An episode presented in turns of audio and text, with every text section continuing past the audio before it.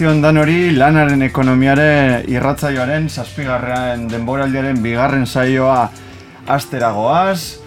Bakizune saio hau e, Bilbo iria hor dago argia eta el salto radioarekin ba, elkarlanean egiten da. Eta, bueno, normalean Euskal Herri inguruko ba, gai sozial, ekonomiko eta sindikalak lantzen ditugu, baina gaurkoan ikusita munduaren egoera zein den eta zenbat gatazka ba, berpiztu egin diren eta berriro ba, e, e, agendan ditugula, erabeki dugu gaurkoan ba, nazioarteko zenbait gatazka e, ba, ikustea, aztertzea, eta alba da, ba, bat, e, iritzi e, sendoago bat eta kritikoago bat izatea. Orduan, ba, bueno, e, betiko lez, zai honetan e, sindikal agendarekin hasiko dugu, Inez Agirrazkonagak emango dizkigu urrengo egunetan ba, e, Euskal Herrian e, egongo diren ba, greba eta mobilizazio eta deialdi ezberdinen berri. Ondoren, e, Naia Sanzo soziologoa eta geopolitika ikerketa taldeko kide izango dugu e, Ukrainiako gerraren nondik norakoak e, apur bat asaltzeko, izen ere, ba, urte terdi pasatu da Ukraina, bueno, Errusia Ukrainian eskuartzea erabaki zuenetik, eta, ba, bueno, e, gatazkau nahi baino gehiago lusatzen ari denez, ba, nahi esan zok, azalduko digu apur bat, ze fasetan dagoen e, ba, Ukrainiako gerra.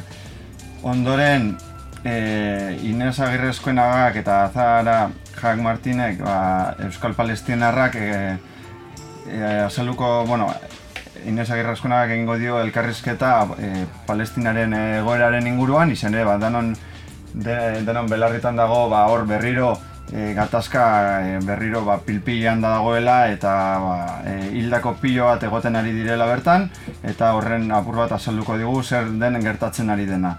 Eta gero, e, irugarren e, amaitzeko argi atalean, e, Andrea de Vicendek egingo dio, Asier Blas, EHUko politiketako irakasleari eta geopolitikaz ikerketa taldeko kideari, e, Nagorno Karabajen, e, Nagorno Karabajeko Armeniarrekin, ba, apuratzen hor ere, gatazka bat egon da orain dela gutxi, kontua da ba, hasi eta berehala bukatu egin dela edo bentsat ba, hor geratu dela eta apur bat, e, apur bat ogarkabean pasatu den gatazka bat da, hala ere atzean ba, interes geopolitiko sakonak daude eta e, horren berri emango, di, emango digu Asier Blasek e, saio honetan. Orduan, ba, bueno, e, azgait esan ba, bigarren saio honekin.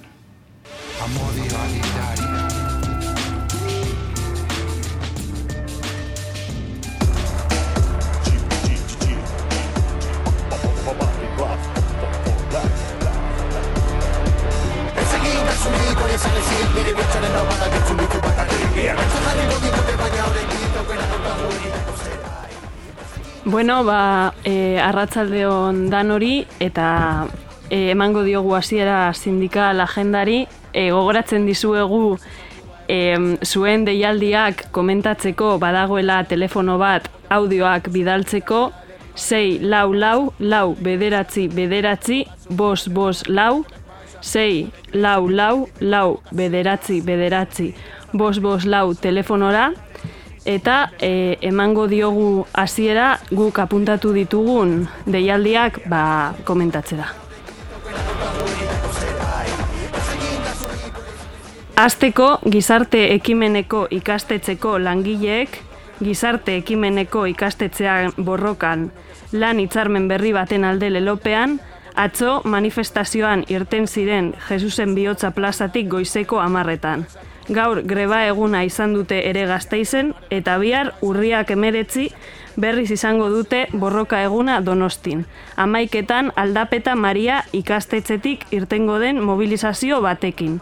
Abenduaren amaikan eta mabostean, greba egun gehiago ere deitu dituzte sektore horretako langileek.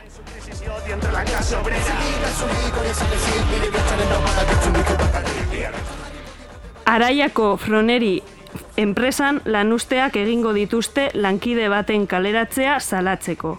Astelen honetan hasi zuten lanustea goizeko amabietan, eta asteartetik aurrera, hau da, atzotik aurrera, arratzaldeko sortzietatik amarretara, azaroaren amabirarte, lanusteetara joango dira. No hay progreso, busca el aire con quien quiere bailar un baile Palestina aurrera Israeli boikot lelopean gaur urriaren amazortzian, arratsaldeko zazpietan gazteizeko Bilboko plazatik manifestazioa irtengo da. Zazpiter dietan berriz gaur ere donostian manifestazioa aterako da bulebarretik. Betza jarriko digute baina orain bit aukera daukagu egiteko zerbait Ez egin kasurik hori esan ezik Arabara joan da, gazteizeko zabalgan auzoan palestinarekiko elkartasun eguna ospatuko da urriaren hogeian. Hau da, ostiral honetan, goizeko amarrean, amarretan.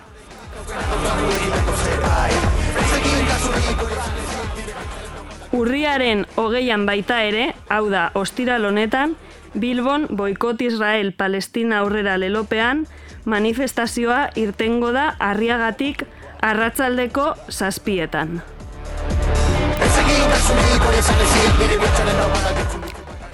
Beste hiriburu batzuetan ere deialdiak daude ostiral honetan.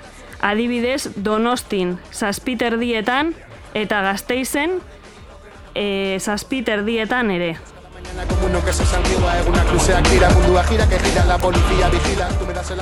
Beste deialde ba, beste deialdi batzuk komentatzeko ere, boikot Israel Palestina aurrera lelopean, urriaren emeretzian, hau da, bihar, goizeko zazpietan, zarautz, lekeitio eta lasarte horian izango dira.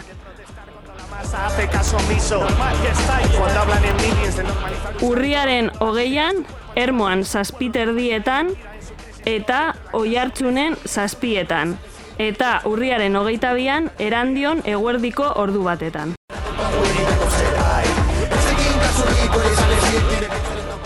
Jakingo duzuenez, auzoetan datorren greba feminista prestatzeko asanblada informatiboak burutzen dabiltza. Urriaren emeretzian, zazpietan, San Frantziskon, Pikara Lamana bigar, bigarren zenbakian izango da bat. Baita urretzindorra ikastolan, Otsarkoaga txurdinago auzoetzean, zazpietan ere.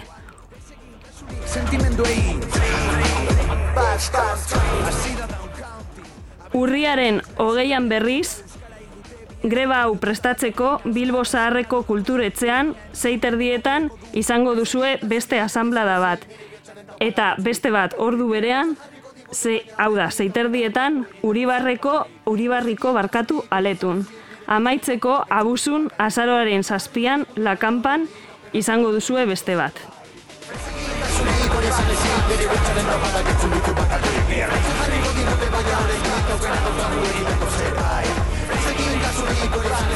Urriaren hogeita lauan, hezkuntza ez unibertsitarioko irakasleak, ezik eta berezikoak, sukaldariak eta garbitzaileak daude grebara deituta.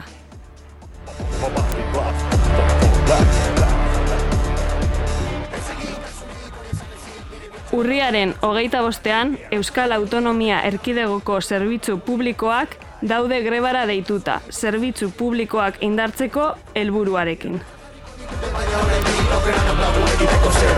Carmen Dios cada mañana como uno que se santigua Urriaren hogeita bederatzean, Euskal Eskola Publiko Azarro Plataforma ez dator bat Eusko Legebiltzarra tramitatzen ari den hezkuntza lege proiektuarekin. Eta beraz, hilaren hogeita bederatziako manifestazioa deitu dute amabi terdietan Donostiako bulebarrean. De protestar contra la masa hace caso omiso. Normal que está y cuando hablan Urriaren hogeita marrean, Bizkaiko gizarte eskuartzeko profesionalek greba iragarri dute urriaren hogeita marrerako eta hogeita maikarako. Negoziazio mahaian aurrerapenik ez dagoelako.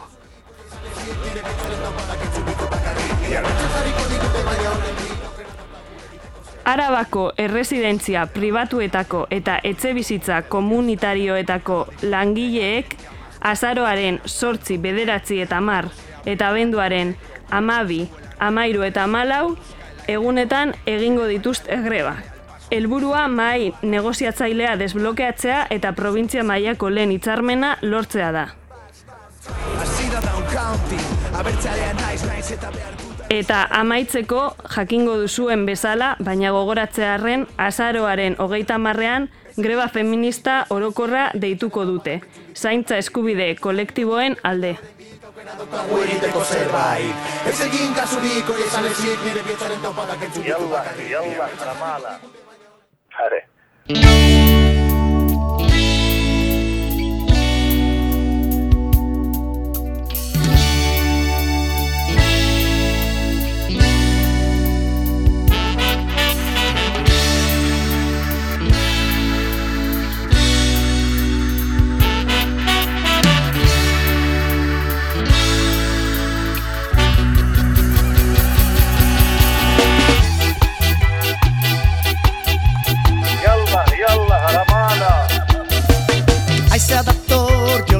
jordain ibaiatik Soñoa mediterrano itxasotik Mame taldurra umearen gefiti Iaman nidea dinatuen aitarekin Posible alda bizitza bereraiki Baietz beste muru bat erori Jerusalengo portan jende hadi Damasko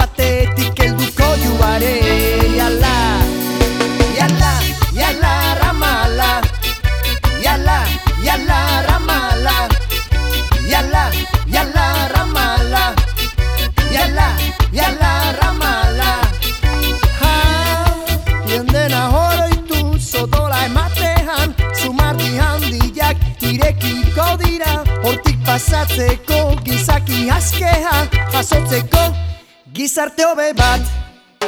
Yala, yala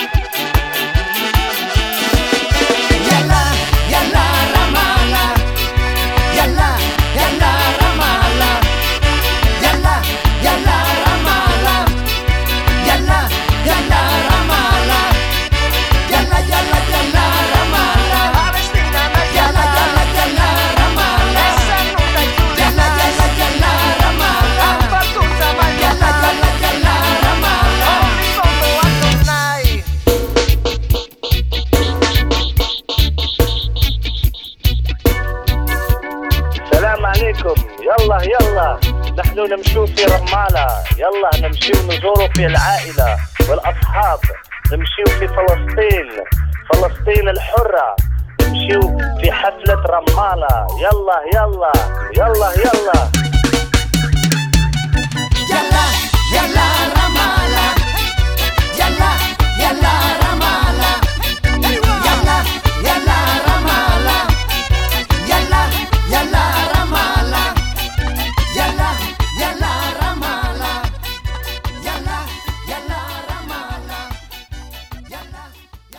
Ba, bueno, e, Inez e, aurkeztu digun sindikala agendoa oparoa eta gero, eta Jala Ramala Fermin Mugurozaren abestia entzun eta gero, Ramalatik Ukrania eta Donbasera joango gara, e, ba, badakigunez, ur- urte terdi pasatu da Errusiak Ukranian esku hartzea erabaki zuenetik, eta hasieran ba, denok espero genuen gatazkak gutxi irautea, baina bueno, denok nahiko genukena baina askoz gehiago lusatzen da, ba, eta apur bat ulertzeko zer den horre gertatzen ari dena, ba, e, Naia Sanzo, e, soziologa eta geopolitika ikerketa taldeko kidea, ba, fase berria hitz egingo digu, eta baita nazioarteko azken e, gertakariak ba, horretan e, izan, horren gora beretan izan dezaketen eraginan inguran ere orduan e, kaixo naia Kaixo, Ah, kaixo, vale. Vale, lortu dugu azkenan e, jakerren erasoaldeari aurre egitea.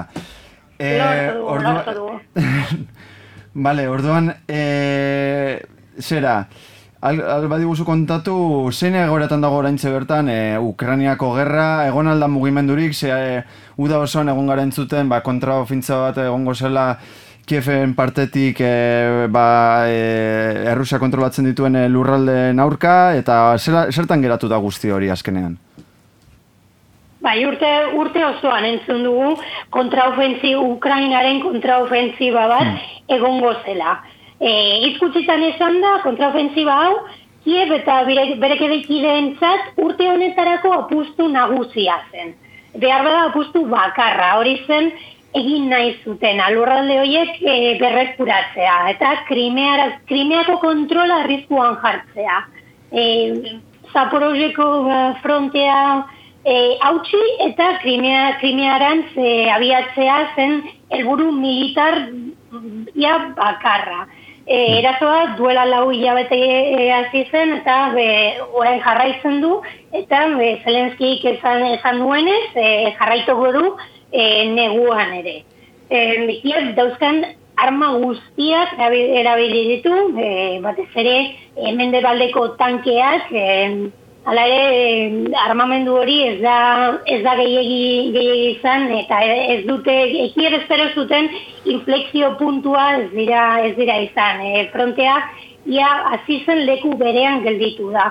E, Rusiak defentsiban jarraitzen du, baina beraientzat ere gauzak asko aldatu dira e, urte, urte honetan. Duela urte bete, Jarkov eta Gersoneko fronteak Errusiak ezin zituen defendatu. Orain, Donbaseko frontea eta Zapororeko e, frontea mantentzeko gai dela erakutsi du. Beraz, gauzak aldatu dira Errusiarentzat ez hainbeste e, Ukrainarentzat. E, ba, gerra orain berriro ere e, trintxeratan sartu da eta agerikoa, agerikoa dirudi ofensiba honek ez duela gerraren emaitza aldatuko Ukrainak espero zuen bezala. Hala ere esan behar dugu, e, Ukrainak erakutsi duela Errusiari min handia egiteko gai dela. Batez ere atze guardian. Ez, ez hainbeste frontean zin izan dute e, fronte hori hautsi eta e, Melitopol edo beste hiri nagusiak berreskuratzea, baina e, frontetik oso urrun dauden e, edo urrun zamar dauden e, hiri batzuk e, erasotzea, erasot, erasotzeko gai direla e, e, ikusi genuen atzo. E, Berdiansk eta, eta Lugansk e, Ukrainak atzo erasotu zituen, e, biri hauek oso garrantzitsuak dira Errusiarentzat, batez ere Lugansk, baina Berdiansk ere, e, bietan Errusiak bere aviaziorako ere abeltzen zuen e, aerodromo militarrak dauzka. E, aviazioa ez da garrantzitsu egia izan, e, bi herriak e, defentsa sistema honak eta euskatelako, baina e, orain e, garrantzitsua bihurtzen hasi da batez ere Errusiarentzat. Beraz, esan behar dugu frontea ez dela ia mugitu, lau hilabete hauetan, baina argi gertatu da, e, argi geratu da Ukrainak Errusiari min egiteko arma nahikoak dituela. Orain e, ikusi dugu, atze ikusi genuen, e, estatu batuak, e, misil berriak, e, bidali dituztela e, Ukrainara, atak e, misilak, hain zuzen ere, e, batez ere Errusiaren atzeguardia e, zuntzitzeko. E, beraz, ja, e, frontea ez dute hautsi, baina egoera e, arriskutsua da Ukrainarentzat, Rusiarentzat eta batez ere e, Ukrainako hegoaldean eta Donbasen bide- bizi diren biztanleentzat. E, Vale. Orain e, Ukrainak arma gehiago ditu eta jarraituko du e, erasotzen. Uste dut e, negua e, iaz baino e, txarragoa izango dela e, biztanle, biztanleentzat batez ere e, hegoalde partean. Vale, urdan izin dugu momentuz e, garaile argirik e, aurre ikusi, ez? Momentuz, estankatuta. Ez, ez, ez. Ados. Bai, bai, bai, estankatuta dago guztiz. E, frontea e, duela urtebete, urtebete, duela urtebete asko aldatu zen, Gerson eta Jarko ben, baina e, orain guztiz geldituta dago. Ondo, eta e, ja joan da Errusiako eta Ukrainiako gizartetara, nola bizi du gizartak edo biztanleriak e, gerra hau, ze iritzi publikoan, ze, zer da mugitzen ari diren e, ba, jarrerak, ideiak edo, horren inguruan? Ba, soziologian bada- badakigu inkestak eh, ematen duten eh, bakarrik eh, une bateko argazkia. Eh, ondo eginda badaude, eh, biztanleek une zehatz batean duten iritzia ikusten dugu. E, gerran asko zailagoa da inkestak egitea eta zein den em, e, biztanleen iritzi generala e, jakitea. Inkestak egiten ari dira, ikusi ditugu, Rusian, Ukrainan, e, bi herri- bi herrialdeetan e, biztanleriaren iritzi buruzko inkestak irakurri izan ditugu, baina ez dakigu e, ondo eginda dauden edo representatiboak diren. E, hala ere, e, mm, Ukrainaren kasuan e, ikusten dugu gerraren babesa, e, ikusten dela, e, baina mm, badakigu bai, Ukrainatik itzutzen diren kazetariek esan de, esaten digutena. E, gerra nekea dagoela biztanle, biztanleen artean. E, ikus, ikerketek esaten dutena da frontetik urrunen dagoen biztanleria hori da e, gerra jarraitzeko babesa handiena ematen duena. E, nekea e, frontetik hurbil e, dauden pertsonetan ikusten da. Eta Rusian, Rusian pizkat errezagoa da, e, Rusiaren kasuan, e, lebada zentroa daukagu, ez da, hori esan dezakegu zentro independientea dela, de, ere gehiago Rusiak atzerriko agentea izendatu du, e, beraz ez da, ez da e, Kremlin, e, Kremlinik, Kremlinetik datorren informazioa, eta oroar ikusten dela da, em, babesa badagoela em, beraien herrialdeak em, gerran egiten egiten ari den eh, jardunari buruz. Em, kasu honetan ezberdina da, be, Rusian Rusiak zati handi bat ez du em, ez du sentitzen em, gerra em, ondorio ekonomikoak bakarrik ikusten dira be, zati horretan, eta beraz gozak ezberdinak dira. E, baina, esan dezakegu, babesa, e, mantendu egin- dela, e, naiz eta iazko mobil, mobilizazio partziala, eta ba, e, gerran e, izandako galerak, galerak eta gula urte bete ikusi genuen e, gizartearen sektore bat e- ez zuela gerran e, parte hartu parte hartu nahi, baina oraindik e, ikusten da e, babesa behar bada e, areagotu egin dela e, askotan e, mugatik gertu dauden e, herriak Ukrainak erazatu e, egin, egin ditu em, herri txikiak dira, herri zibilak, e, hor dago, ez, ez, zeuden armak, ez, ez zegoen ez eta kasu honetan e, gauza horiek gertatzen direnean, ba, beraien herriari e, babesa ematea ba, ondit, onditu egiten dela dirudi, baina hori e, hori esan da, e, gogoratu behar dugu bai Errusian, bai Ukrainan, gerraren aurka hitz egitea ez dagoela ondo ikusita. Beraz, e, uste dugu, ba, babesa badagoela, e, beraien herriaren egin gerrari, baina e, ezin duzu, ezin dugu guztiz e, argi esan e, inkesta horiek guztiz ondo egin da daude. Bai, normala izaten da. Eta orain, ba, Palestinan, eh, Israeldarren eta Palestinarren arteko gatazka berpiztu dela, honek eh, nolabaiteko eragina du, e, e, guztiz isolatuta daude, ala badago eragin bat bi fenomenen artean, eta gero e, imaginatzen dut eragin bat egongo dela azkenan e, e, Ukrainian gertatzen e, dena, de, osea, U- Ukrainiako bilakaeran, ez, edo... Bai, Ukrainak eh, eh, ekialde hurbileko gerra ikusi ikusi zuenean, em, ziren azerretu, baina saiatu egin dira e, protagonismoa ez, ez, ez galtzeaz. Em, bi gerrak eh, lotu nahi izan dituzte, bezan ez, ba, ba Errusia jamasatzean dagoela, edo Iran, edo ba, guztia gerra berdina dela e, ezaten. Niretzat oso gerraz berdinak dira, ez dut uste em, eragin oso handia izango duenek. Zergatik, ba, gerra oso oso ezberdinak direlako. En, argi dago, en, gerra hau kezkatu egin duela Ukraina, baina batez ere Israel estatu batuen alia, aliatua delako eta beraiek izango dutelako beti lehentasuna. Hori esan da, e, Israelek ez du Ukrainak behar duen laguntza, behar.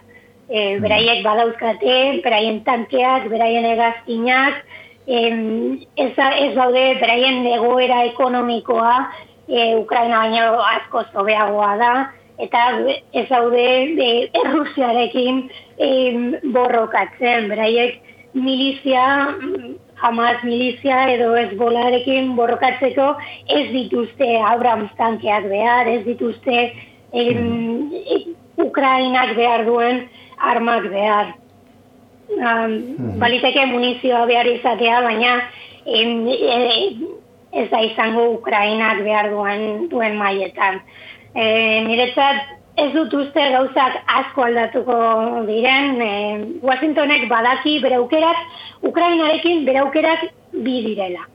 Ukraina laguntzea, e, eta gerra luzea ordaintzea, Ukrainak ezin du gerra ordaindu, em, Europar batasunak eta Washingtonek ordaindu behar dute, edo bestela emaitza beraientzat oso txarra izango da. Beraz, nire ustez laguntza eh, ekonomikoa eta militarra eh, kiebentzat eh, jarraituko da.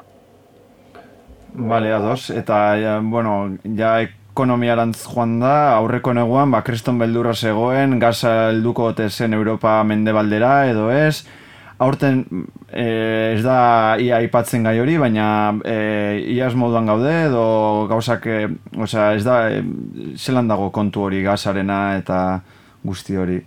E, Urte, urte bete pasada eta ba, Europar batasuneko herrialdeek egokitzeko denbora izan dute pasaden urtean e, gauzak oso azkar joan ziren, baina orain e, bazekiten negu honetarako ez, ez zela egongo em, ze- pasaden urteetan zuten e, Rusiar gaza. Beraz, e, pasaden urtekoa baino erre- errezagoa izan beharko litzateke negu, negu hau.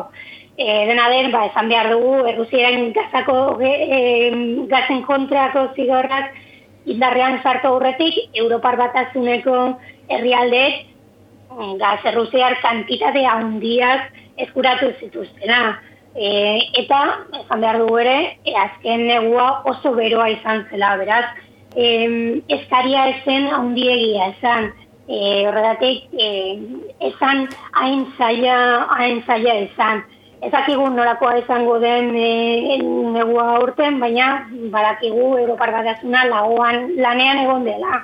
E, beste herri, herrialdetik gaza importatzen, estatu batuetatik, Katarretik, Azerbaianetik, eta esan behar dugu, e, Errusiatik ere e, gaza importatzen ari, ari dela.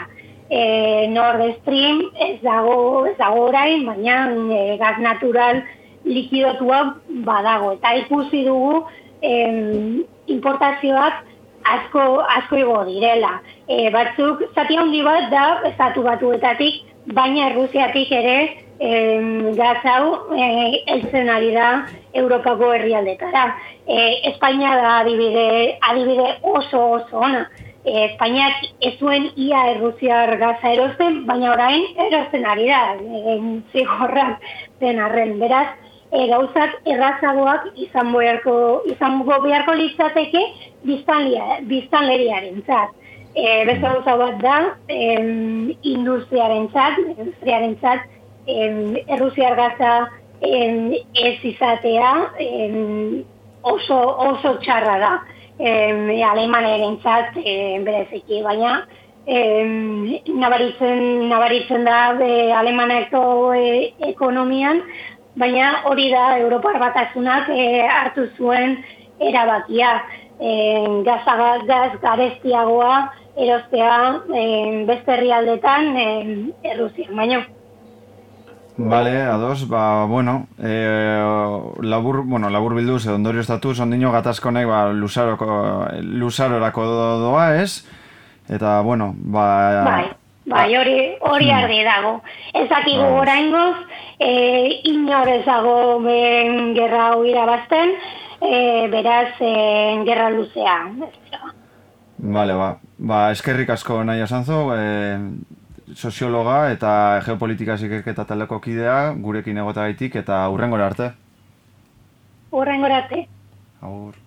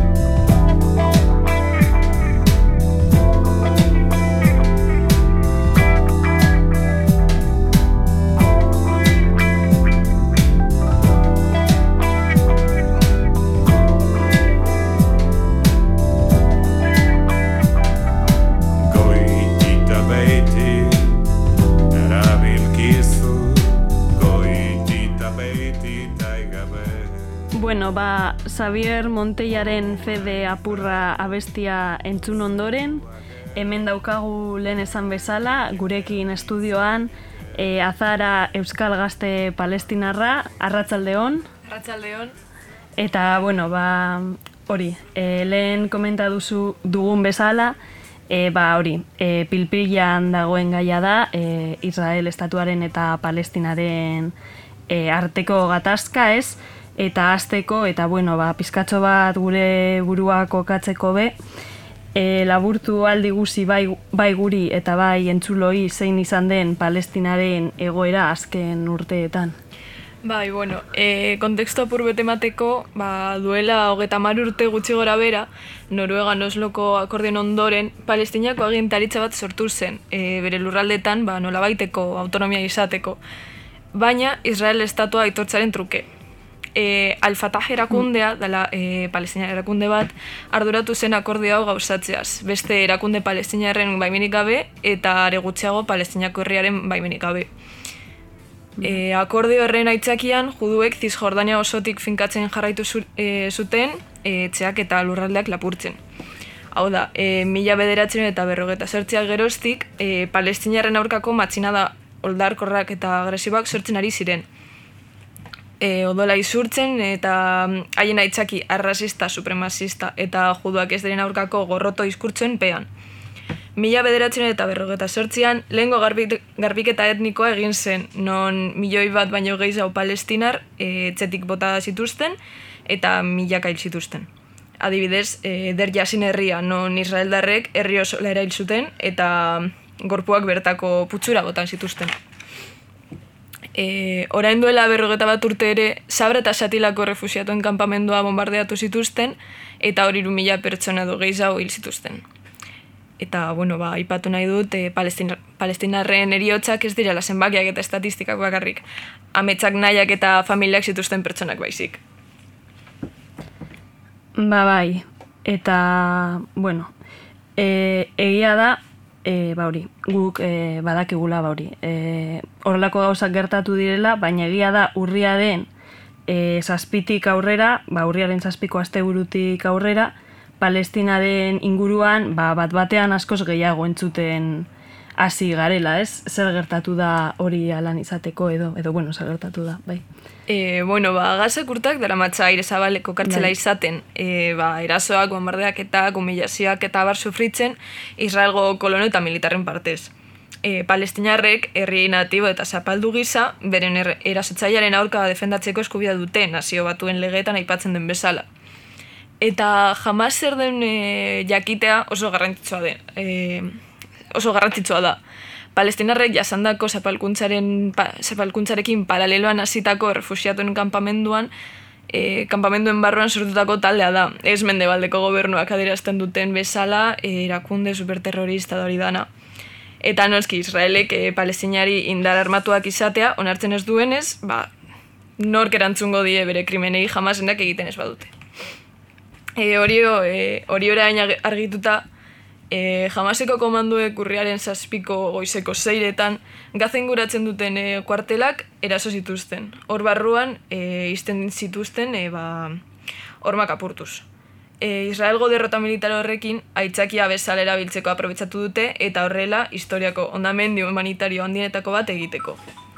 Eta guztiok, e, ikus, guztiok ikusten bai Guztiak ikusten gaude nola sentitzen dituzten ospitaleak, eskolak, adibidez atxo ospitale bat, e, sortzireun pertsona baino gehiago hilda, e, baina, bueno.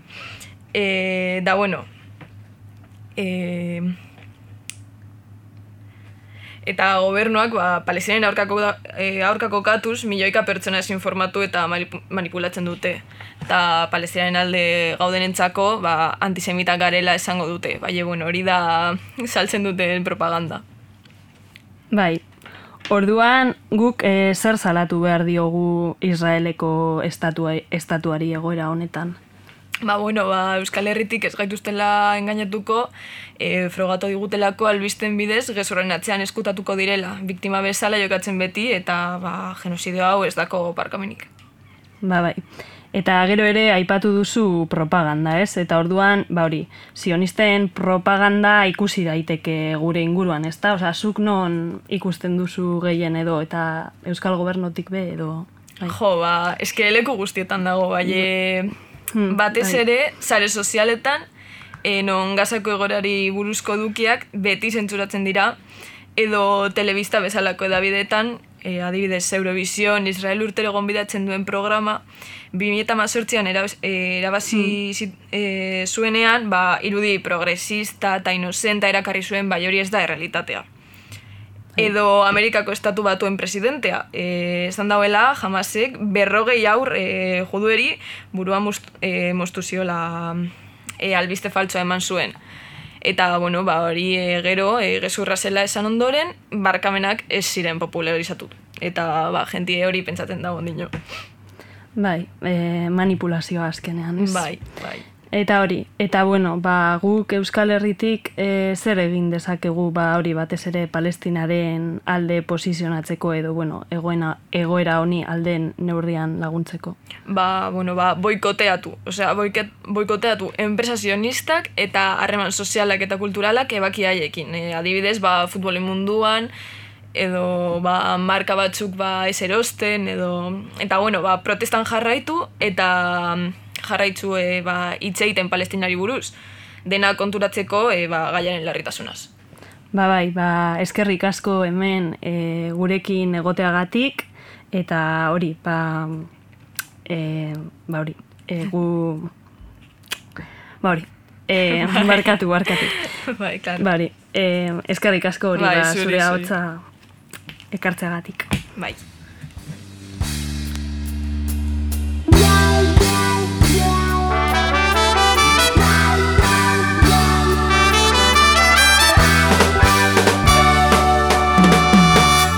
Badira Sri Lankan Kabulen amar every day.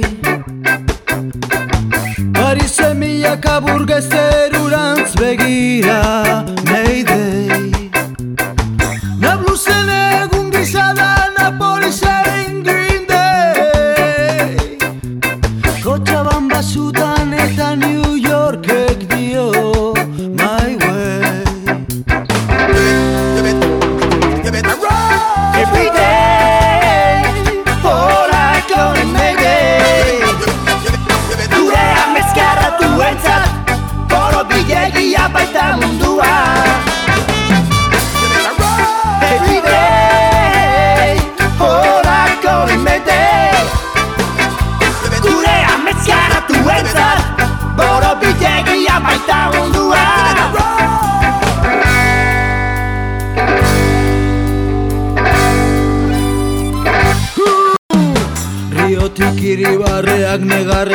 vestida camagüey.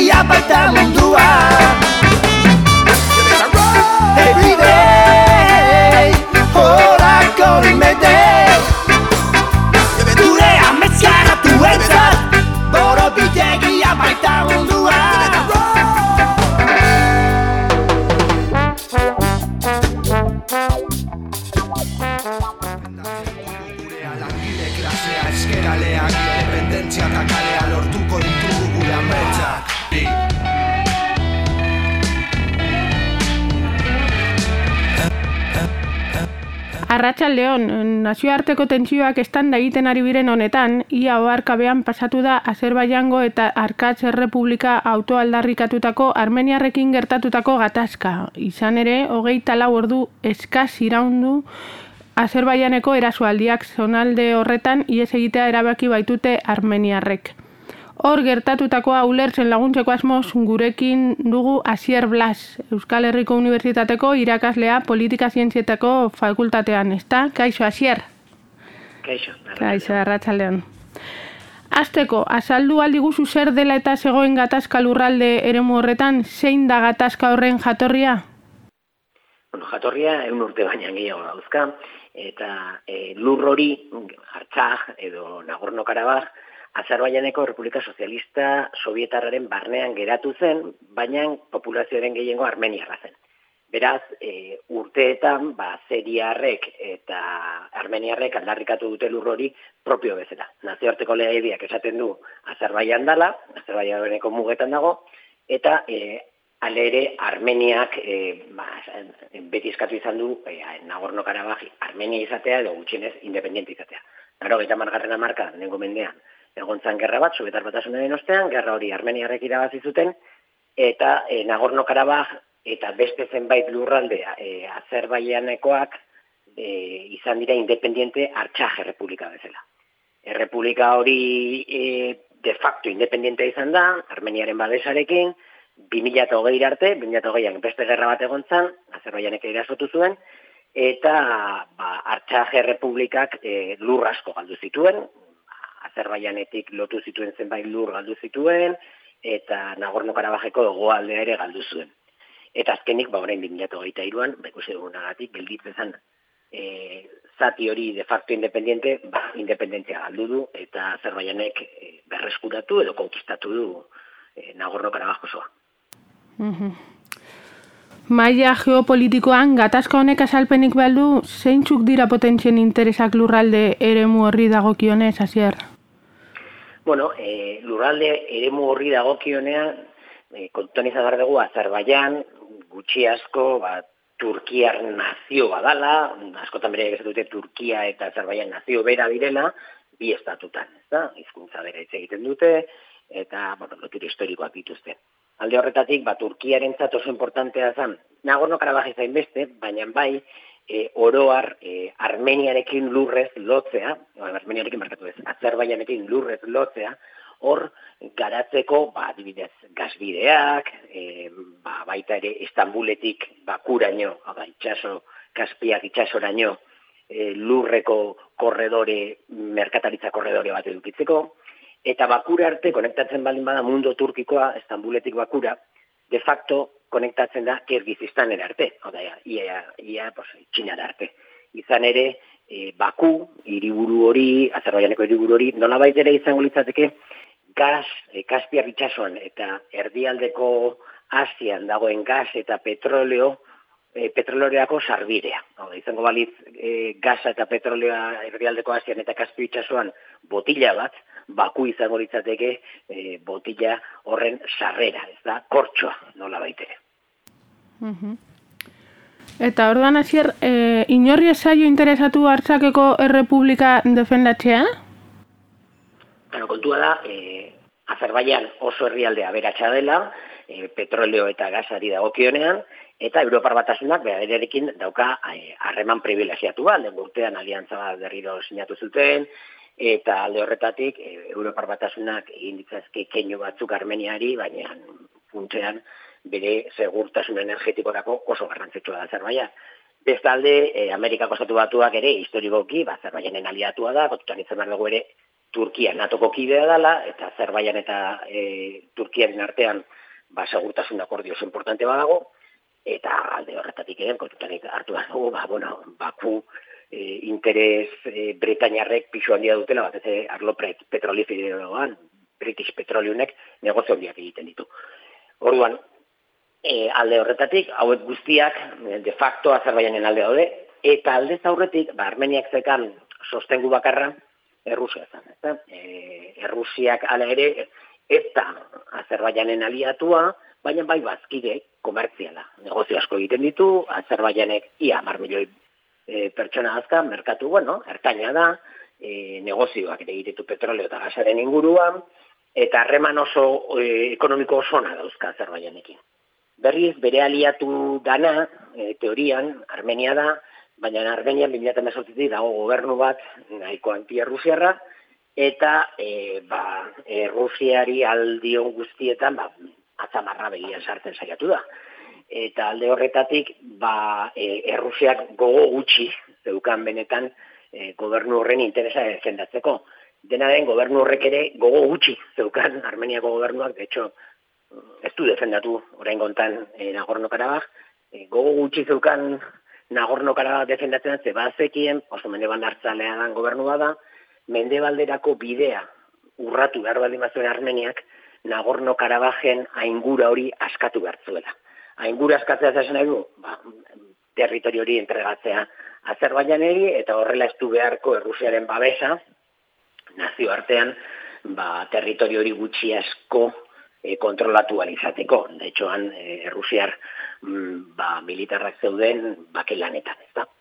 Eta orduan, mm, Errusiak ez daka konexio territorial Armeniarekin, hori batzutan ez du e, kontutan hartzen, eta Armeniako gobernua etzan beze oso aldekoa, negozio handiak egititu Azerbaianekin, eta beraz, ez da osartu, eta ia san sarterik ere zuen, zen nazioarteko legediaren arabera, e, Azerbaian da e, lurralde hori, eta beraiek daukaten NATO txiki bat, da Armenia parte hartzen duela, Rusia, Bielorrusia, Kazakistan, eta Tajikistan, ba, NATO txiki horrek ere ez du aurre ikusten inolako eskuartze militarrik, nazioarteko legediak aitortzen ez dituen mugetan, ez da? Armeniak berak ez du errekonozitu e, hartzajen independentzia.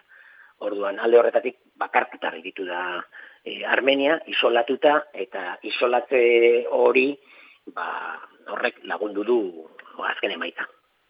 Mhm. Orduan, e, izango zenuke Armenia arriskuan dago? Zer egin beharko luke Armeniak Turkiaren eta Azerbaijanen presioen artean ahulduta atera nahi ez bada?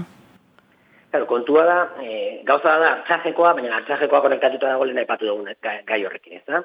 Korredore komertzialak, merkataritza korredoreak, e, Istanbuletik bakura, eta inkluso gazbideak edo, edo enalakoak. Claro, e, Azerbaianek ez du nahi bakarrik Nagorno Karabaj. Azerbaianek eta dirazi du behin eta berriro bere presidenteak, eh, ez du uste Armenia existitzen dani. Armeniari ditzen dio mendebaldeko Azerbaian. Baina batez ere hori batutan egin izan du, horrelako adiraztenak egin izan ditu, baina indar gehiago egin du eta aspaldi eskaera formulatu du Armeniako hegoaldean korridore bat izateko, da Armeniako hegoalderen parte bat bere kontrolpera etortzeko. Eta inkluso aipatzen da askotan ere e, Armeniako hegoalde guztia. Eta eskaera hori jakina da, eskaera hori dagoela eta operazio militarren bat etor daitekela horren arira, nahiko garbi dago, Blinken, Amerikako Estatu Batuetako e, idazkariak, aipatu du, e, badagoela arriskua aurrengo asteetan, Azerbaianek nolabaiteko operazio militarra egiteko, e, ba hor, Armeniako hegoaldean zenbait lur eremu lortu alizateko.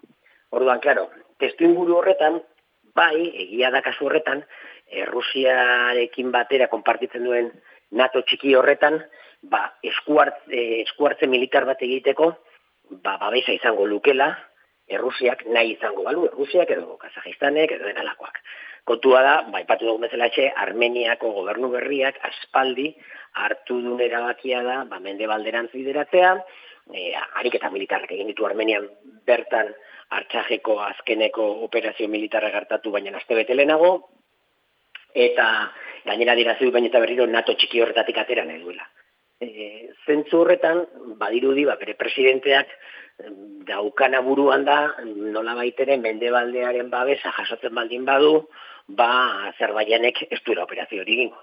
Baina errealitatea da, seguruenik horrek zer esan gutxi izango duela, ze mendebalde guztiak sekulako negozioa dazka Azerbaianekin, eta tratatuak dazka Azerbaianekin arlo ekonomikoan, ba, lotura haundia sortzen dutenak, eta egiten dutenak, ba, mendebaldea ez da, eh, seguruenik ez dela agertuko Armeniaren defentsa. Eta bukatzeko, azier, e, bal dago loturari gatazka honen eta Palestinan gertatzen arienaren artean, ala hien artean isolatuta dauden gertakariak dira, eta zute zer ikusirik, zenolako elkarren arteko eragina izan detakete. Lotura daukate ze momentu honetan nazioartean dauzkagun gatazka guztietan badago elementu endogeno bat propioa, ba, e, lehen ikusi dut bezalaxe, armeniarrek eta azeriarrek borrokatzen zuten lurren emu bateratik. Vale, hori da elementu endogenoa. Baina gero badago bat komuna, eta da nazioartean dagoen borroka hegemoniagatik. Eta alde horretatik, e, garbi dago momentu gatazkatxu e, batetan gaudenez, liskartxu batean gaudenez, eta gerrak areagotzen ari diren testuinguru batetan, e, ba, adibidez, horra zerbaianek oso garbi ikusi zuen, e, momentu egokia izan zitekeela oraingoa, izan ere, ba, baldin eta norbaitek lagunduko baldin bat zion Armeniari hori Errusia zen, Errusia bat zegoen sartuta gerra batetan. E, baita ere antzera gertatzen da Israelekin. Egun hauetan, ikusi dugu Israel eta Palestinaren arteko gatazka honetan, badakigu jamasek egin duen oso operazio hori ere, ez da izan kasualitatea momentua. Momentu konkretu batean eman da, non gatazka badago NATO eta Rusiaren artean gerra badago. E, Ukrainan, e, Ukrainaren, Ukrainaren bitartez, baina gerra dago NATO eta e, Amerikako estatu batuen artean, eta de hecho, orain dela bizpairu egun, elkarrezketa batetan, Bideni galdetzen zioten, ea Amerikako estatu batuakek aurrera eraman ditzaken bi gerra aldi berean. Esan ez, Ukrainakoa eta orain Israelekoa. Eta esatzen baiet, ez da? Baina garbi dago, bi gerretan aldi berean sartute egotea Amerikako estatu batuak, ba, zailagoa dala, bere kudeaketa eta alde horretatik aukera berriak irikitzen zizkiola jamaseri eta resistentzia palestinoari, ez da. Orduan, alde horretatik garbi dago nazioarteko testu inguru horretan gatazka guztien artean konexio bat badagoela eta une arriskutsua bizi ditugula gerraren ikuspegitik, ze ugaltzen di joan fenomeno bat eta gehiago ugaldu daiteke dudari gabe. Vale, ba, eskerrik asko hasierra salpen bikainak argi handi eman diozu gaiari, beraz, e, urrengo arte espero dugu. Eskerrik asko.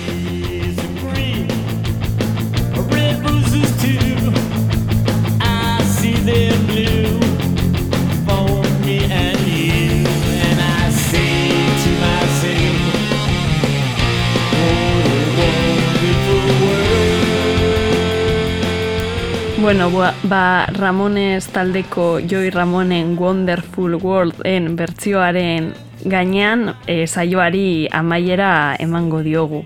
Beti bezala, ba, eskerrak ematea tokatzen da, bai Bilbo iria, bai e, hor dago argia et radio hori be, e, ba, bueno, kolaborazioagatik eta elkarlanagatik, eta noski baita ere ba, gaietan murgiltzen eta argia ematen ba, lagundu diguten pertsonei ba hori. Bai Naia Sanzo soziologoari eta geopolitika taldeko kideari bai Azara Aj Martini Euskal Palestinarrari e, ba hori e, argia emateagatik e, pilpilean dagoen gatazka horren inguruan Eta bai, ba hori, orain entzun berri dugun, ba, Asier Blasi, e, Euskal Herriko Unibertsitateko politika zientzietako irakasleari eta geopolitikaz taldeko kideari. Eta, ba, bueno, bi aste barru, ba, berriro hemen izango garen taldekidei, ba, eskerrak ematea eta laster egongo garela. Beraz, arratsalde on eta agur.